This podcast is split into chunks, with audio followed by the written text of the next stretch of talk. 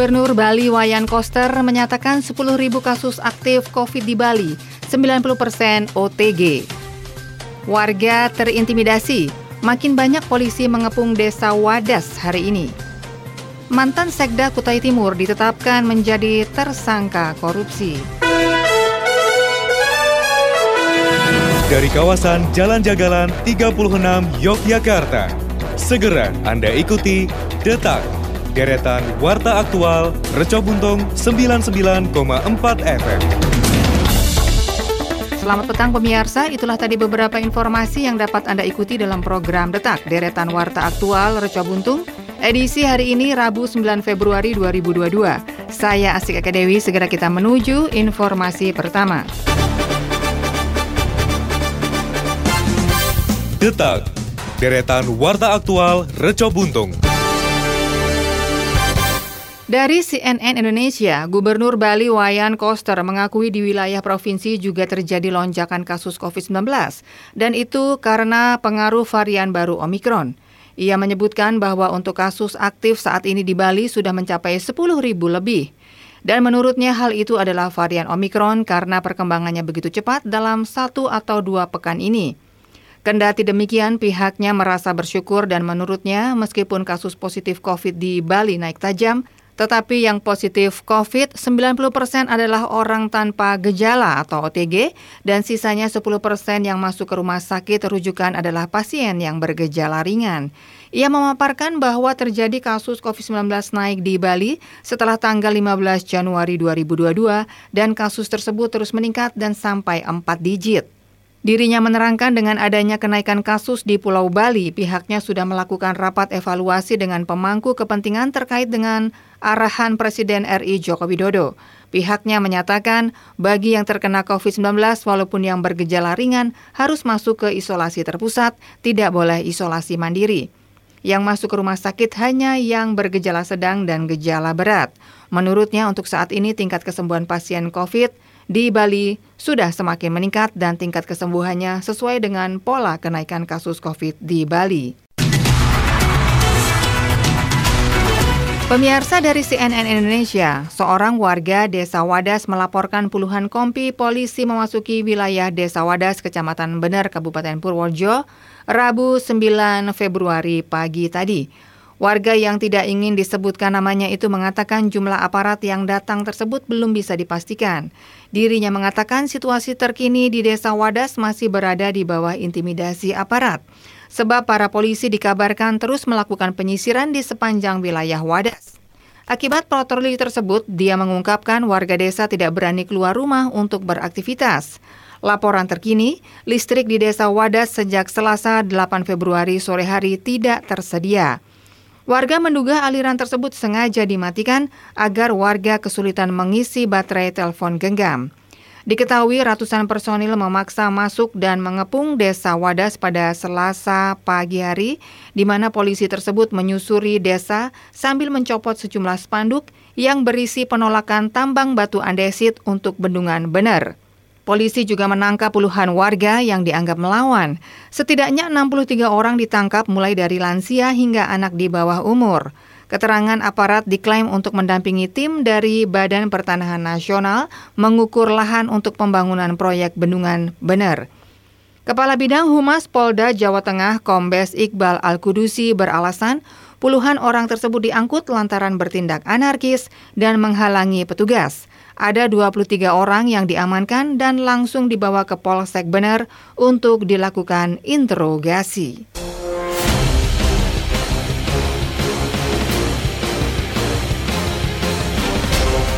Pemirsa Direktorat Kriminal Khusus Polda Kaltim Subdit Tipikor menetapkan mantan Sekretaris Kabupaten Kutai Timur, Kalimantan Timur, berinisial IR menjadi tersangka kasus korupsi pengadaan dan pemasangan mesin generator set atau genset 3500 kVA dan panel sinkronnya di Desa Senambah, Kecamatan Muara Bengkal, Kutai Timur tahun anggaran 2019. Nilai anggaran proyeknya sebesar 5,6 miliar rupiah. Sementara kerugian negara dalam proyek ini sekitar 2,3 miliar. Demikian Kombes Polisi Indra Lutrianto Amstono, Direktur Krimsus Polda Kalimantan Timur, kepada sejumlah media. Angka kerugian ini sendiri merupakan hasil dari perhitungan Badan Pengawas Keuangan dan Pembangunan Kalimantan Timur. Lebih lanjut, Indra menuturkan status tersangka IR ditetapkan sejak 3 Februari 2022 lalu. Saat ini IR menjabat sebagai asisten satu pemerintahan umum dan kesejahteraan rakyat Setkap Kutim. Tersangka mulai diperiksa sejak 7 Februari 2022, namun tidak ditahan. Penundaan penahanan merupakan permintaan dari dokter karena yang bersangkutan mengalami tekanan darah yang cukup tinggi. Kondisi tersebut bermuara kepada pembengkakan jantung sehingga opsi penundaan penahanan menjadi pilihan. Sejatinya IR bukan satu-satunya tersangka dalam kasus ini. Sebelumnya aparat juga mengamankan kabak perlengkapan setkap Kutim berinisial WAL. Ada pula pihak swasta berinisial DJ yang merupakan Direktur CVACN sebagai pemenang proyek. Keduanya sudah ditetapkan sebagai tersangka. Indra menegaskan dari hasil penyidikan sementara IR dan WAL ini diduga melakukan pengadaan tanpa prosedur yang diatur undang-undang dan hanya untuk memperkaya diri sendiri. Penyidik menjerat tersangka dengan pasal 2 ayat 1 Jungto ayat 3 Undang-Undang Nomor 31 Tahun 1999 tentang Tipikor Jungto pasal 51 KUHP.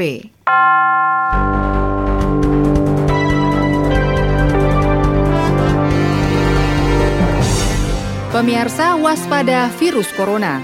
Penularan dari manusia ke manusia lewat cairan, batuk, bersin, dan berjabat tangan.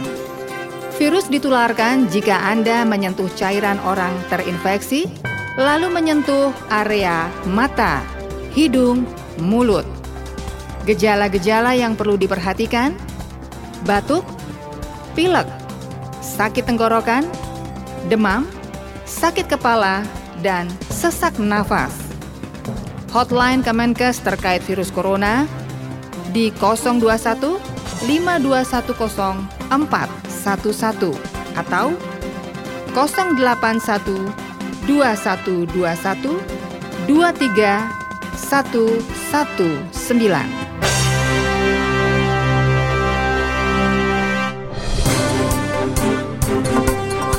Pemirsa, kita hentikan sejenak detak reca buntung untuk kita ikuti kumandang adzan maghrib untuk daerah istimewa Yogyakarta dan sekitarnya.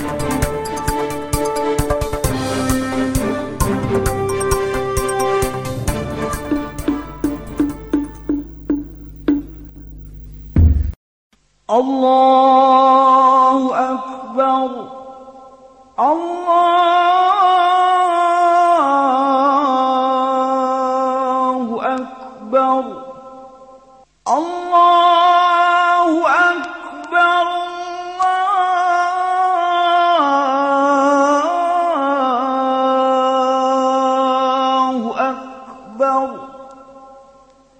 أشهد أن لا إله إلا الله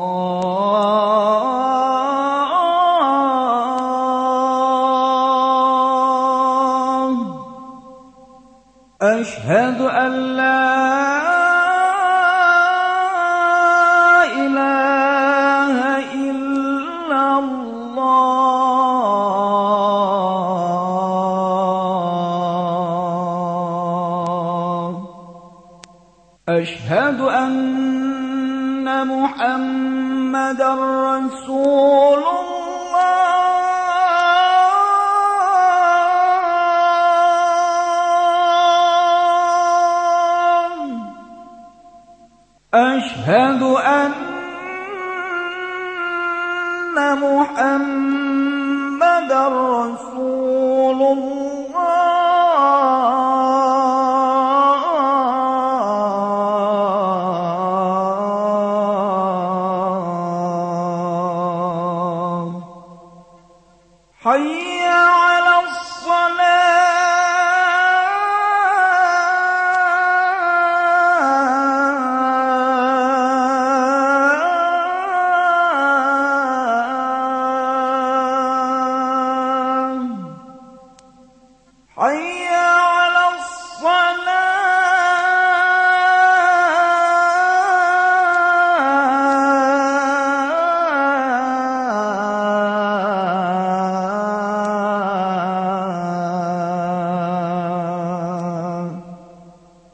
حي على الفلاح.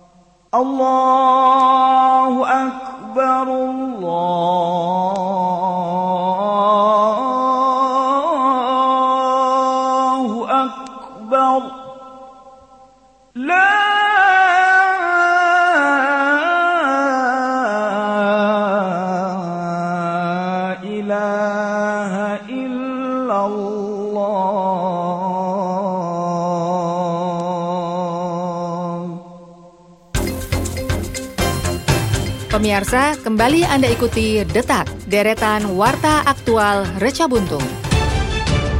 Detak, deretan warta aktual Reco Buntung.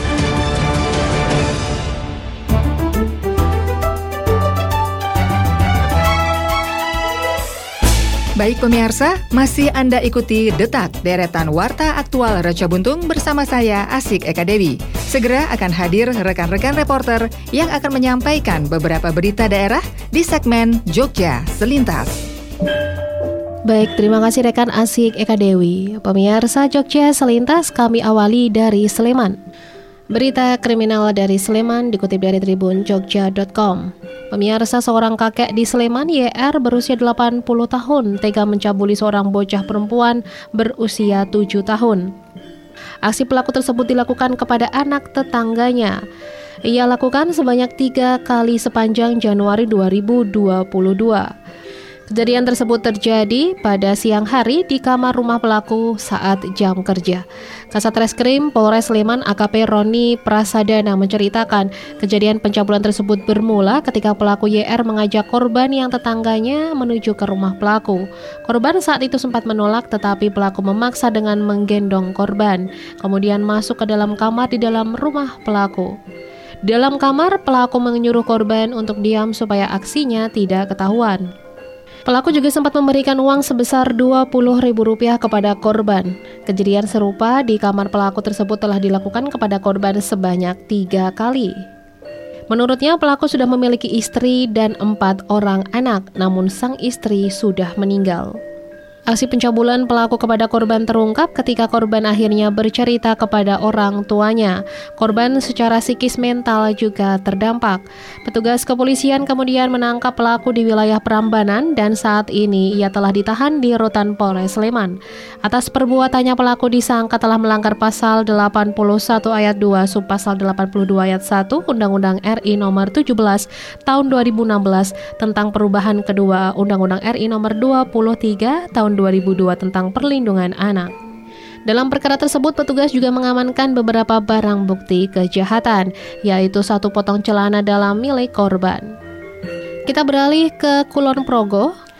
Pemirsa, meski kasus COVID-19 di Kabupaten Kulon Progo beberapa hari ini meningkat, namun permintaan ambulans bagi pasien COVID-19 yang dilayani oleh Dinas Kesehatan setempat tergolong minim. Data dari Dinkes per Senin 7 Februari kemarin, jumlah pasien yang masih menjalani isolasi sebanyak 87 orang.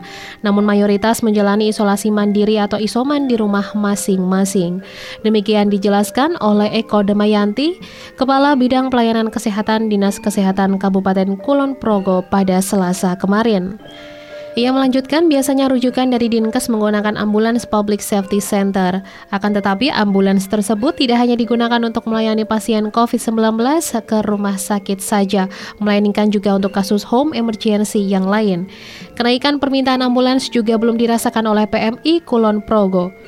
Humas PMI Kulon Progo Wisnu Rangga mengatakan, permintaan ambulans saat ini hanya untuk pelayanan home emergency, evakuasi orang dalam gangguan jiwa atau ODGJ, kebakaran, dan bencana alam. Demikian pemirsa informasi dari Sleman dan Kulon Progo, sumber berita dari Tribun Jogja.com. Kita ke berita Kota Yogyakarta yang akan disampaikan oleh rekan dari Pradita.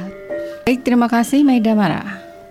Pendengar sebanyak 242 lurah di DIY dikukuhkan sebagai pemangku keistimewaan oleh Gubernur DIY Sri Sultan Hamengkubuwono ke-10 pada Selasa 8 Februari 2022 di Bangsal, Kepatihan, Yogyakarta.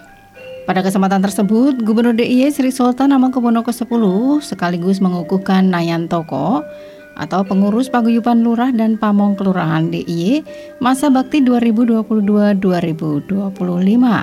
Mereka memiliki fungsi sebagai pandega penguatan peran kalurahan menuju Jogja istimewa yang mulia dan sejahtera. Pada kesempatan tersebut, Gubernur DIY Sri Sultan Hamengkubuwono ke-10 berpesan, lurah harus benar-benar memahami empat syarat dalam upaya ngawulo, yaitu kewasisan, taberi, budi rahayu, dan kasarasan.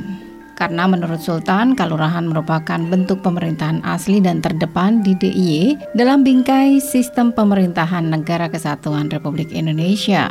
Sultan juga menekankan nilai-nilai filosofi keistimewaan Yogyakarta yaitu Hamemayu Hayuning Bawono, Sangkan Paraning Tumadi, dan Manunggaling Kaulo Gusti yang merupakan yang merupakan kewajiban gubernur yang pada hakikatnya juga seorang sultan yang hendaknya diteladani oleh para lurah dalam menjalankan perannya sebagai pemangku keistimewaan.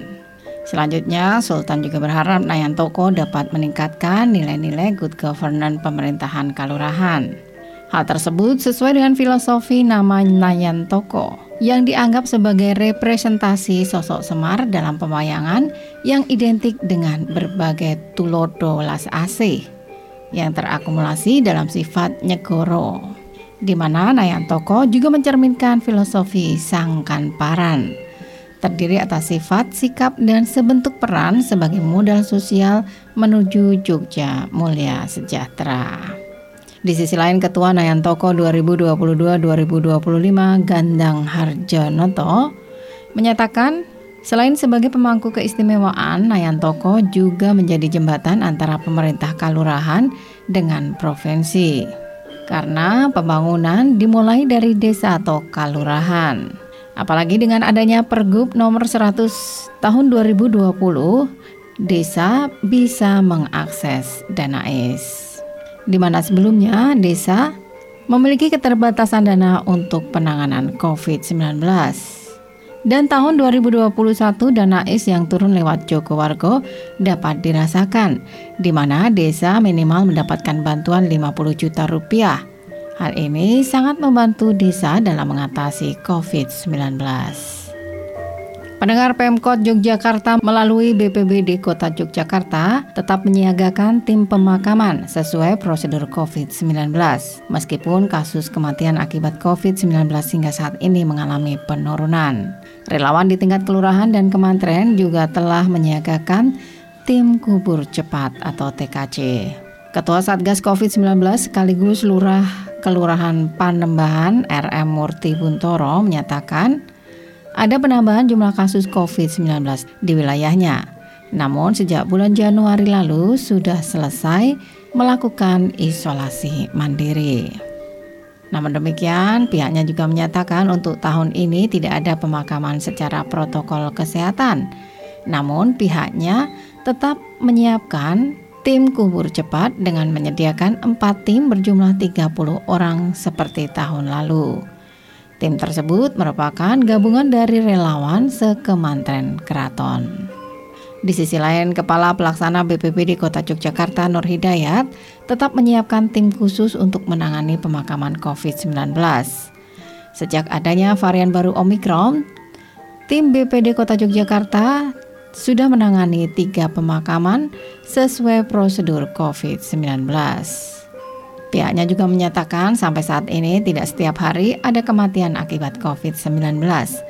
Dan hal ini semoga terus berkelanjutan bahwa kasus kematian tidak akan terjadi akibat COVID-19. Berbeda dengan kondisi tahun 2021 saat terjadi gelombang kedua varian Delta, di mana hampir dalam kurun waktu satu hari tim BPBD Kota Yogyakarta bisa memakamkan 30 hingga 40 pemakaman sesuai prosedur COVID-19. Selanjutnya Nur Hidayat juga menyatakan untuk penanganan pemakaman sesuai dengan prosedur COVID-19 yang sebelumnya melibatkan masyarakat, kini masih sanggup ditangani langsung oleh personel BPBD Kota Yogyakarta yang menyiagakan 24 personil yang dibagi dalam 4 tim setiap harinya. Demikian informasi dari Kota Yogyakarta, saya dari Pradita. Segera kita menuju ke rekan Maida Mara. Baik, terima kasih rekan dari Pradita dan pemirsa kembali lagi bersama saya Maida Mara untuk informasi dari Bantul dan Gunung Kidul. Kecelakaan bus pariwisata yang terjadi di Jalan Telingo Imogiri turut menimbulkan duka mendalam bagi para pengelola wisata. Purwo Harsono selaku Ketua Koperasi Notowono yang mengelola sejumlah objek wisata di Kapanewon Delingo merasa prihatin atas insiden yang menewaskan 13 orang tersebut. Pihaknya juga akan terus berkoordinasi dengan pemerintah maupun kepolisian agar peristiwa tersebut tidak terulang kembali. Ia pun juga berharap agar pemilik bus ataupun jasa travel travel dapat melakukan pengecekan kendaraan sebelum melakukan perjalanan. Dengan demikian, bus atau kendaraan lain dapat melintas di jalur tersebut dengan aman.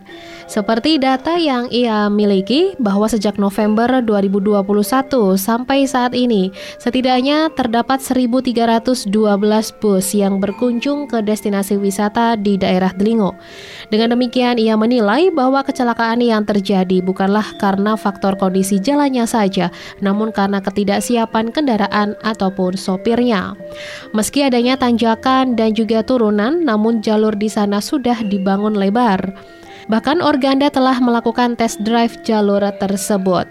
Lebih lanjut dengan melihat dua kasus kecelakaan, yakni pada tahun 2017 dan 2022 di tempat tersebut, ia menilai bahwa kasus itu diawali dengan bus yang sempat mogok. Dengan demikian, ia menilai bahwa bus tersebut sudah bermasalah sebelum terjadi kecelakaan. Dengan memastikan kesiapan kendaraan dan juga driver, maka kejadian serupa tidak terulang dan berdampak pada sektor pariwisata di tempatnya. Maka dari itu, dirinya akan terus memantau perkembangan kasus kecelakaan kemarin dari kepolisian. Dia pun turut menunggu informasi hasil penyelidikan dan fakta hukum yang saat ini tengah diselidiki oleh kepolisian. Kita beralih ke Gunung Kidul. Pemirsa, kasus konfirmasi positif COVID-19 di Kabupaten Gunung Kidul masih terus bertambah secara konstan.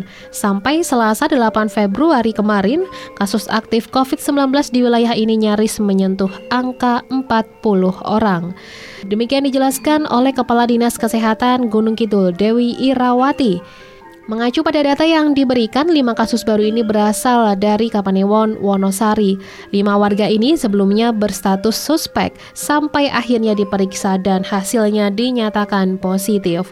Dewi menyampaikan kasus aktif terbanyak berasal dari Karangmojo, yaitu 14 kasus. Kemudian Wonosari sebanyak 11 kasus, tiga kasus dari Semanu, masing-masing dua kasus dari Pelayan dan Purwosari, serta masing-masing satu kasus dari Giri Subo, Patok, rongkop, dan tepus. Demikian pemirsa informasi dari Bantul dan Gunung Kidul, sumber berita masih dari Tribun Jogja.com. Kita beralih ke rekan asik Eka Dewi untuk membawakan informasi terakhir.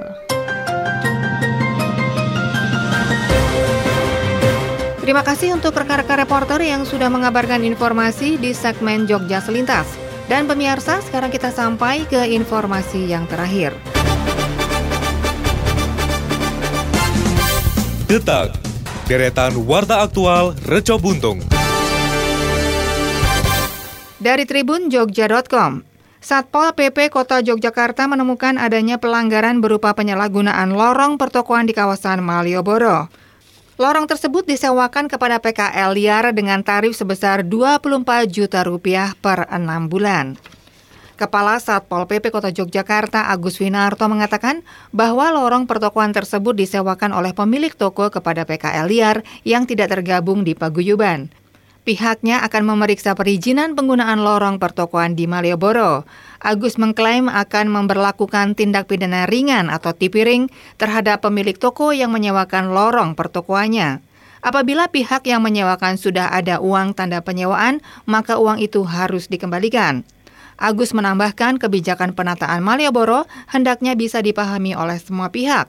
sebab pemerintah telah memberikan waktu selama tujuh hari terhitung sejak tanggal 1 hingga 7 Februari agar kawasan Malioboro maupun lorong pertokoan steril dari PKL. Hanya saja saat proses relokasi berlangsung, pihaknya mendapati salah satu toko yang menyewakan lorong di kawasan tersebut. Hal itu disebut Agus melanggar aturan penataan dan proses relokasi yang saat ini terus berlangsung. Terlebih menurut Satpol PP DIY, penyewaan lorong toko kepada PKL tidak sesuai dengan Perda nomor 2 2017 tentang ketentraman, ketertiban umum dan perlindungan masyarakat. Sementara itu, Koordinator Lapangan Perkumpulan Pengusaha Malioboro dan Ahmad Yani atau PPMAY Karyanto Purbohusodo menyebutkan, pemilik toko yang diduga melakukan penyewaan area lorong kepada PKL liar merupakan anggotanya.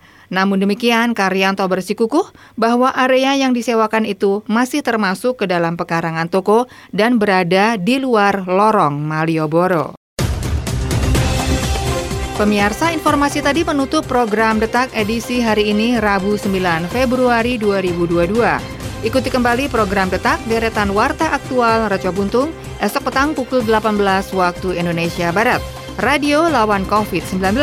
Jangan lupa cuci tangan pakai sabun, jaga jarak, jangan berkerumun, gunakan masker, dan lebih baik di rumah saja.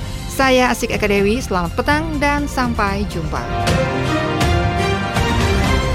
Pemirsa, telah Anda ikuti Detak, deretan Warta Aktual, Produksi, Tercobuntung 99,4 FM.